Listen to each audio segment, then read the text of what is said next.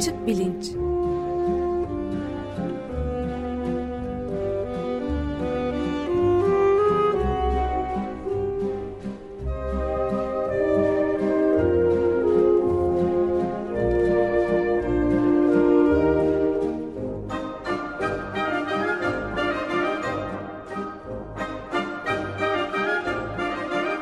Güven Güzeldere ile bilim ve felsefe sohbetleri. Günaydın Güven Bey, merhabalar. Günaydın Ömer Bey. Günaydın. Günaydın Özdeş. Evet, bugün açık bilinçte ana konumuz depreme ilişkin bazı düşünceler herhalde değil mi? Evet, yani bu deprem öyle bir şey ki insan depremden konuşsa olmuyor, çok oldu gibi hissediyor. Konuşmasa başka bir şeyden konuşası gelmiyor insanın filan. Ben deprem üstüne söylenmiş e, birkaç e, söz hakkında bir genel e, fikir jimnastiği yapayım istiyorum. E, şöyle, buna sebep olan şey de aslında bir sokak çiçekçisinden bir demet çiçek alıyordum eve götürmek için. Çiçekçi kadın bana bir metafizik dersi verdi çiçeği satmasının yanı sıra. Oradan da gördüm ki aslında çok yaygın bir kadercilik diye belki nitelendirilebilecek bir anlayış var.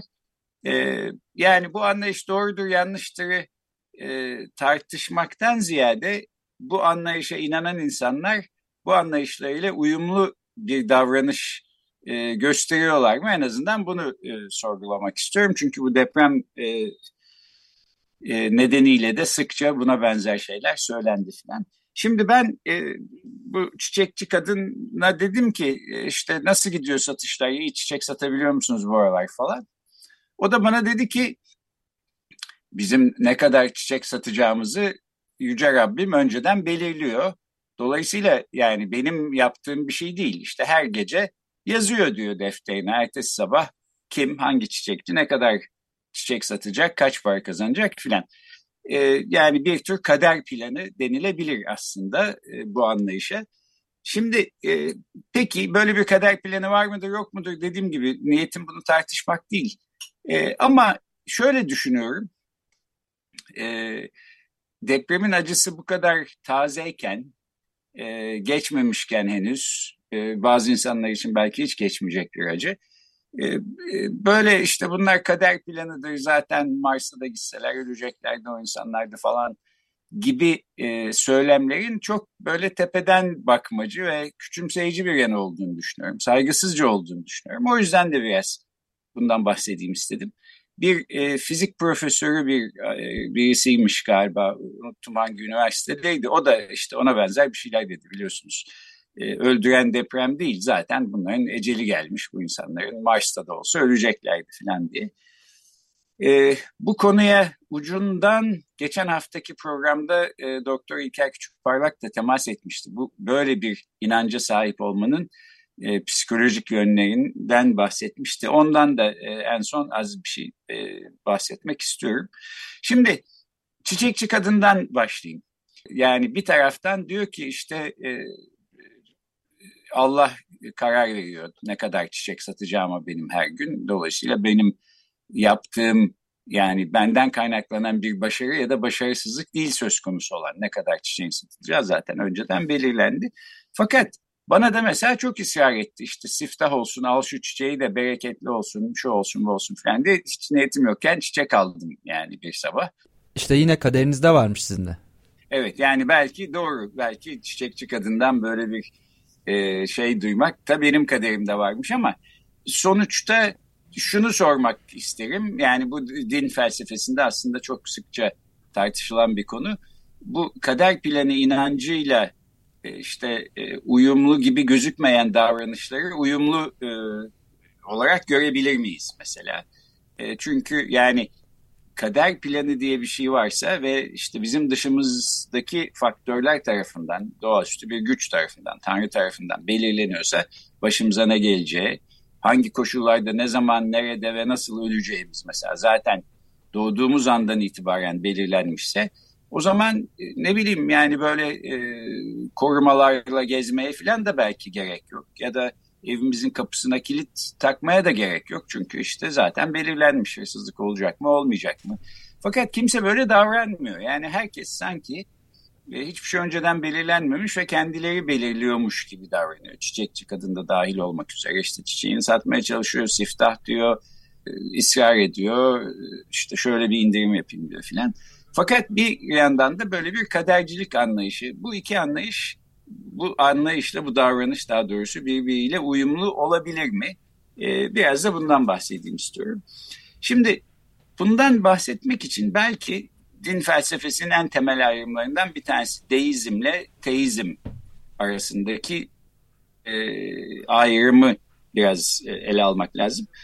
Galiba açık bilincin ilk başladığı yıllardaydı. Böyle e, işte din felsefesinde yani 6-7 tane temel soru var. Bu soruların her birini bir haftaki bir programa denk gelecek şekilde bir seri yapmıştık. 8-9 programlık e, arşivde bulunabilir. E, orada da bundan bahsettiğimi hatırlıyorum.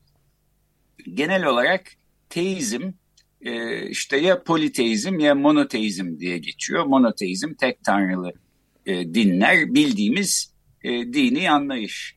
Orta Doğu coğrafyasından kaynaklanmış üç temel ve büyük e, monoteistik tek tanrılı e, din var. Bunların hepsi teist anlayışın içinde yer alıyorlar. İşte Musevilik, Hristiyanlık, Müslümanlık deizm daha sonra çıkmış ve teizme aslında bir tepki olarak e, gelişmiş bir anlayış. Şimdi deizmin de teizmin de aslında kökünde tanrı kelimesi var. Yani e, deizm deus kelimesinden geliyor. Latince tanrı demek. Teizm de theos kelimesinden geliyor. O da eski Yunanca'da tanrı demek.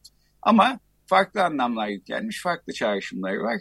Deizm 16. 17. yüzyıldan itibaren teizme bir alternatif olarak e, ortaya çıkan bir görüş ve özellikle bu Fransız aydınlanması falan zamanında çok rağbet görüyor.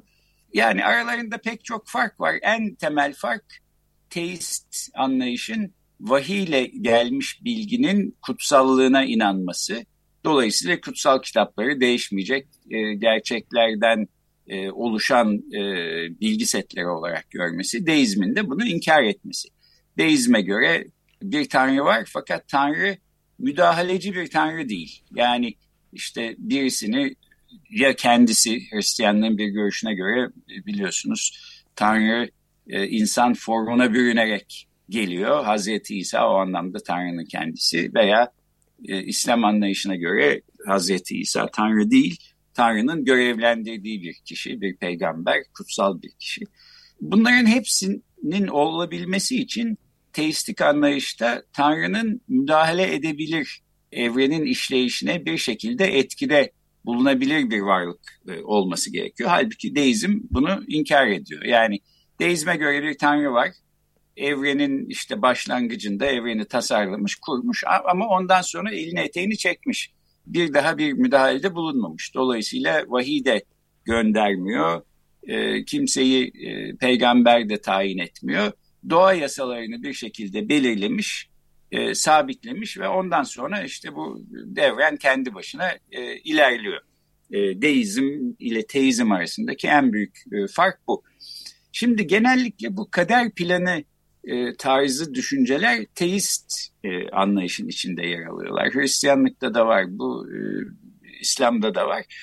Fakat bir de şunu söylemek isterim sırası gelmişken bir e, e, ateizm diye de bir şey var ve bunun Tanrı tanımazlık ya da işte Allah'ın varlığını inkar etme görüşü olduğu filan söyleniyor. Bence bu pek doğru değil. Nedeni de şöyle, bu ateizmin başındaki A ön eki genellikle bir şeyin olmadığını gösteriyor. Onun daha doğrusu yokluğuna işaret ediyor. Bir şeyin olmadığına dair bir iddia içermiyor. Yani mesela bir kişi için çok asosyal bir insan dediğimizde bu kişi sosyalliğe karşı ya da işte sosyalliğin düşmanı ya da sosyalliği reddeden bir kişi anlamında söylemiyoruz. Sosyal olmayan bir kişi yani kendi hayatında sosyallik unsuru olmayan bir kişi diye düşünüyoruz. Bu A ekini aynı şekilde düşünecek olursak ön ekini ateizm dediğimiz zaman teist inançlardan uzak öyle inançları olmayan bir kişiyi anlamamız lazım ateist diye. Tanrı'nın varlığını e, kabul etmemekle Tanrı'nın yok olduğunu iddia etmek arasında bir fark var. Bu ikisi aynı şey değil.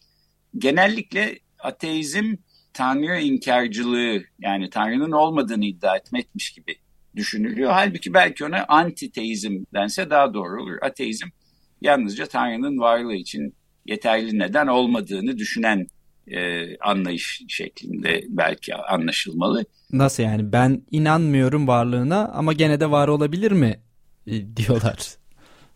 Evet yani bir şeyin varlığına inanmak için elinde yeterli sebebin yoktur. İnanmıyorsundur ama yok olduğunu da iddia etmiyorsundur. Bence işte ateizm gerçek kelime anlayışı itibariyle böyle e, bir görüş. Diğerine yani Tanrı yoktur diye bir iddiada bulunuyorsan o zaman işte antiteist oluyorsun. Teizmin karşıtı, teizmin eksikliğini e, içeren bir e, anlayış değil. Bu teizmin e, inkarı ya da reddine içeren bir anlayış diye düşünüyorum. Bir de agnostisizm diye bir şey var. O da karıştırılıyor. Agnostisizm de bu din felsefesi bağlamında e, mesela Tanrı'nın varlığının bilinemeyeceği iddiası.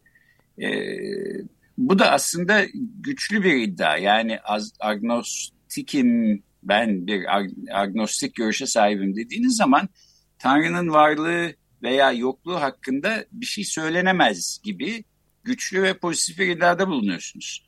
Ben genel olarak insanın bilgi ufku e, nerede başlar, nerede biter, nereye kadar ileri ileride e, nereye kadar ulaşır bunun kolay kolay e, öngörülemeyeceğini düşündüğümden agnostisizme de yakın durmuyorum. Yani agnostisizm çünkü bilinemez nokta diye bir iddiada bulunuyor. E ne biliyoruz bilinemez olduğunu belki işte ileride bir şey olacak e, bilinebilir hale gelecek e, filan. Neyse yani bunları da bir parantez içinde söylemiş olayım. Ve bu kader planı hikayesine geri döneyim. Şimdi bu fizik profesörü kişinin söylediği gibi eğer depremde ölen işte on binlerce kişi deprem yüzünden ölmediyse yani zaten ecelleri gelmiş işte Mars'a da gitmiş olsa öleceklerdi o gün o saatte. Çünkü öyle. Ee, eğer gerçekten böyleyse e, o zaman sahiden e, ve ve eğer ecelimiz doğduğumuz anda belirleniyorsa yani her kişinin ne zaman hangi koşullarda nasıl e, ne şekilde öleceği doğduğu anda belirleniyorsa e, o zaman belki sağlıklı yaşamaya çalışmamıza da gerek yok. Yani şunu yiyelim bunu yemeyelim işte spor yapalım falan bunların da hiçbirine gerek yok. Çünkü eceli nasıl olsa değiştiremiyoruz. Bu bir kader planının içinde e, bizden geçmiş e, oluyor e, bunun sorumluluğu. Şimdi ben e, şuna dikkat çekmek istiyorum. Bu tür kader planı işte eceldir, şudur budur, öldüren deprem değildir, zaten kaçış yoktu filan gibi şeyler ne zaman söyleniyor? Genellikle bunlar söylenmiyor. Bunlar çok metafizik düşünceler. Ee, mesela Soma'daki büyük maden afetinden sonra söylendi. Maden göçünün göçünde işte e, birkaç yüz kişi öldükten sonra ya da depremden sonra söyleniyor. Niye?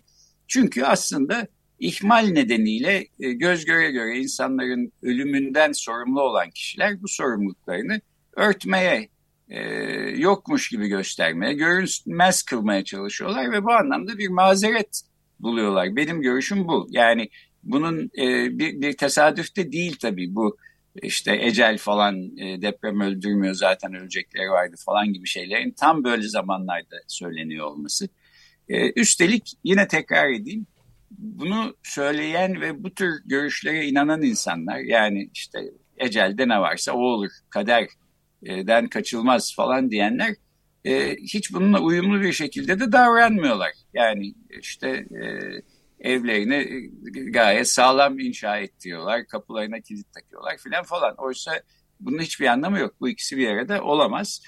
E, tek bir belki bir felsefeci şöyle bir çıkış yolu bulabilirdi. Diyebilir ki ya bu kader planı denen şey insanın doğduğu anda belirlenmiş bir şey değil. Bunu Tanrı sürekli güncelliyor. Her gün mesela, her akşam. Yani ne yaptığınız dolayısıyla bu kader planının değişmesine sebep olabiliyor. Ee, ve işte hani iyi bir satıcıysanız işte taze çiçeklerle geliyorsanız Tanrı o gece defterine yarın çok çiçek satsın diye yazıyor as çiçek aslında yazmaktan. Bu önceden belirlenmiş bir şey değil. son anda yani her gün güncelleniyor. Dolayısıyla e, Anadolu'da bir söz vardır malum eşeğini önce sağlam kazığa bağla sonra Allah'a emanet et diye. Yani sağlam kazığa bağlamanın da aslında bir etkisi olduğu e, belki düşünülebilir. Fakat benim anladığım kadarıyla işte öldüren deprem değil, ecel bir kader planıdır, fıtratında vardır falan gibi şeyler. Fıtrat da sonuçta doğumla e, yani var olma anıyla alakalı bir şey. E, böyle düşünmüyorlar. Yani bunun önceden belirlenmiş insan hayatının e, kader çizgisinin ne şekilde olacağı e, en baştan beri belli ve değiştirilemez diye düşünüyorlar diye anlıyorum.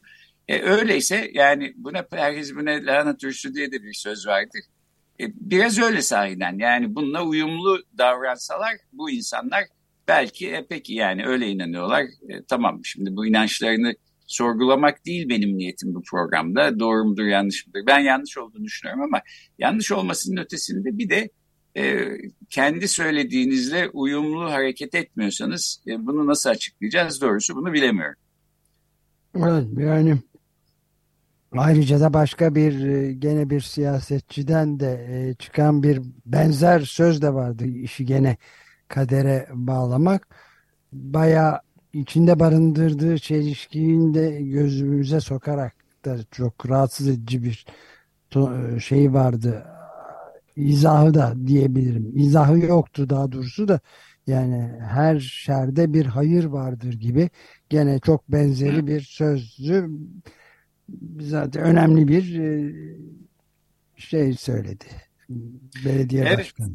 Ee, bu her şeyde bir hayır vardır. Benim de hiç inanmadım ve hatta yani herkesin sürekli söylediği e, ve benim de genellikle sinir olduğum bir söz e, yok yani her şeyde bir hayır yok. Bazı şeyler yalnız şeyden ibaret içinde hayır barındırmıyor. E, Kişilerine göre değişiyor ama. E, nasıl yani? Yani bir şehri yeniden yapım sürecinde bundan kar sağlayacak olan şirketler de var Aha. onlar için. bir hayır var. E, peki yani evet ama şimdi buradaki şer e, bu şerre uğrayan insanlar için hayırlı bir şey yok. Yani e, her şeylerini, şer... evlerini, barklarını kaybetmiş insanlar Tabii onlar için, için en yakınlarını. Yok, ama birileri için var. Evet. Ana babalarını ya da çoluk çocuklarını pek öyle hayırlı bir şey düşünmek çok zor yani. Evet. evet. Yani şerre uğramış insanlardan başka insanlar için bir hayır var mı? Evet yani belki vardır tamam müteahhitler işte para kazanacaklar, yeni evler yapacaklar filan ama bu yine de genel geçer bir metafizik ilke olarak bence kabul edilmesi çok zor bir şey. Yani işte bir çocuk e, ne bileyim bir bebek e, hasarlı bir şekilde, sinir sistemi hasarlı bir şekilde doğdu diyelim. Büyük acılar çekerek 3 ay yaşadıktan sonra öldü. Bunun kimseye bir hayrı olmayabilir. Yani dünyada böyle şairler de var. E, bu tabii din felsefesinde kötülük problemi diye bilinen e, problemin aslında nüvesi. Dünyada kötülük varsa bunu nasıl açıklayacağız? Çünkü Tanrı her şeye kadir, her şeyi bilen ve insanların yalnız iyiliğini isteyen bir varlıkken bu kötülüklere nasıl izin veriyor? Buna verilen standart cevaplar var. Şimdi bunları tek tek burada yeniden e, anlatmaya çalışmayacağım ama yani Hristiyanlığın başka cevapları var. İslam'ın başka cevapları var. Müslüman felsefeciler bu aralar bu kötülük problemi hakkında sürekli podcastler yapıyorlar. YouTube'da filan birkaç video izledim. Onlar mesela kötülüğün ne olduğunu tanımlayamayız.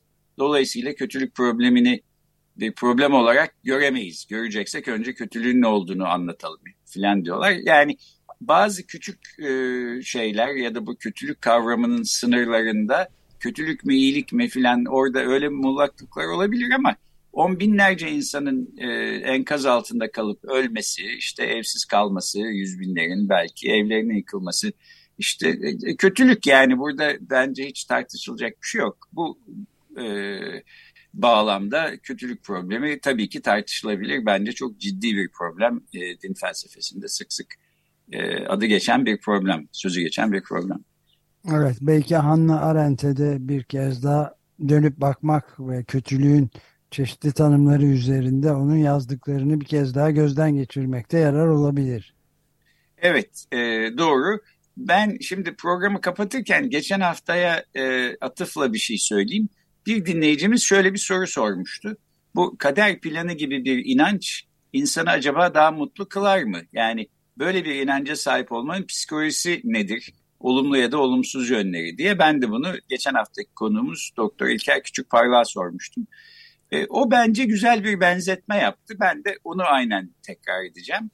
E, dedi ki e, Doktor Küçükparlak, şimdi mesela öğrencisiniz işte matematikten zayıf aldınız.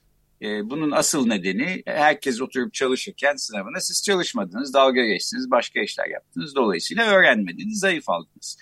E, bunu ya ben çalışmadım o yüzden sorumluluğu bende diye de açıklayabilirsiniz. Hoca bana taktı. Çok çalıştım. İşte en iyi kağıt benimdi ama en iyi imtihan kağıdı bana zayıf not verdi diye de açıklayabilirsiniz. Bu ikincisi biraz bu kader planı anlayışına benziyor. Ee, ve size bir rahatlık sağlayabilir. En azından geçici olarak işte kendinizi avutmuş oldunuz.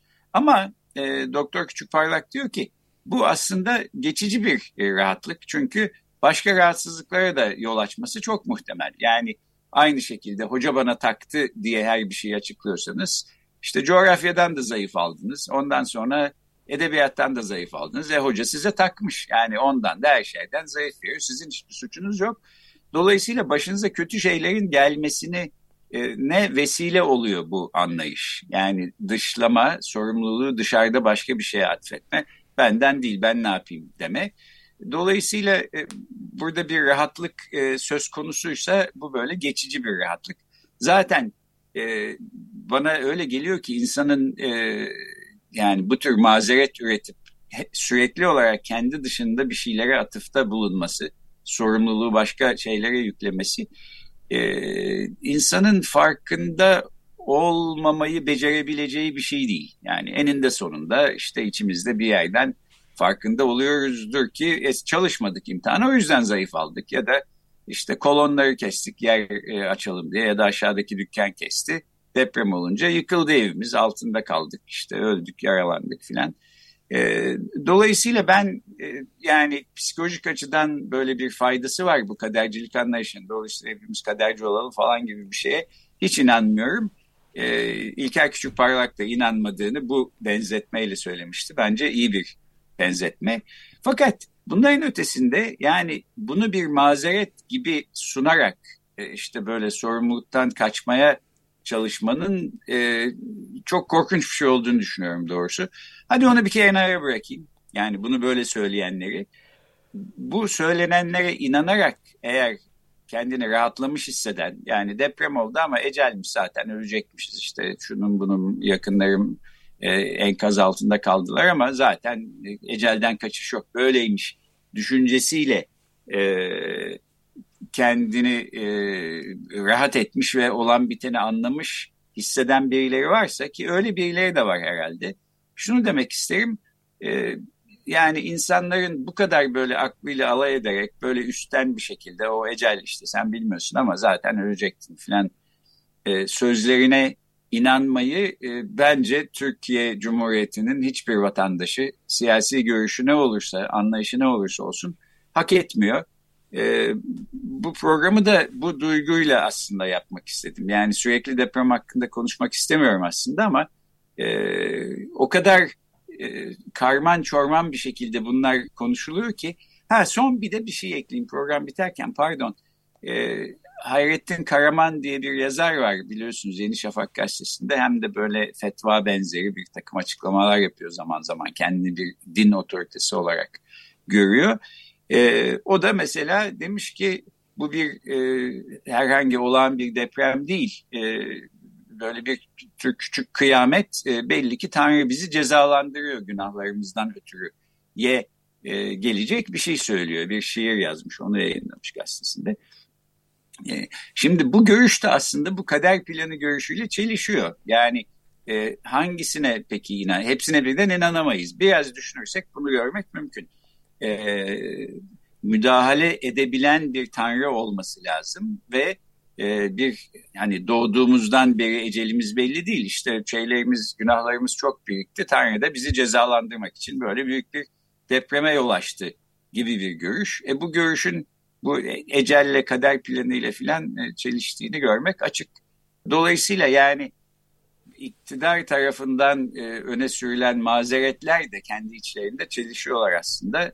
Hani böyle duyup geçiyoruz, e, o da öyleymiş, bu da böyleymiş falan diye kabul ediyoruz. E, isteyen de kabul etsin ama bence kimse bunları bu, tür ne diyeyim yani şimdi zırvalık falan diyeceğim dememek istiyorum kimse e, alınmasın diye ama bu tür içi boş e, sözleri e, duymaya özellikle böyle acıların taze olduğu bir zamanda duymaya e, kimse hak etmiyor kimse buna layık değil. E, son evet, ta, bu. bu. Evet, son, e, ben de e, vaktimiz kalmadı ama onun için de bir şarkı geldi aklıma ta yanılmıyorsam 65 yıl öncesinden yani programı açarken söylediğinizde ben o geldi aklıma. Şimdi de kapatırken belki çal, vaktimiz olsaydı çalardık belki. La Violetera diye Sarita Montiel'in şarkısı. Bu buketi almaz mıydınız bu çiçek buketini beyefendi yakanızda takar sergilersiniz diye de gidiyordu sözleri. Evet. Çok popülerdi o geldi benim de aklıma. Peki vaktiniz olursa çalın olmazsa e, herkes YouTube'dan açsın dinlesin diye. Evet çok teşekkürler Güven Bey. Görüşmek üzere.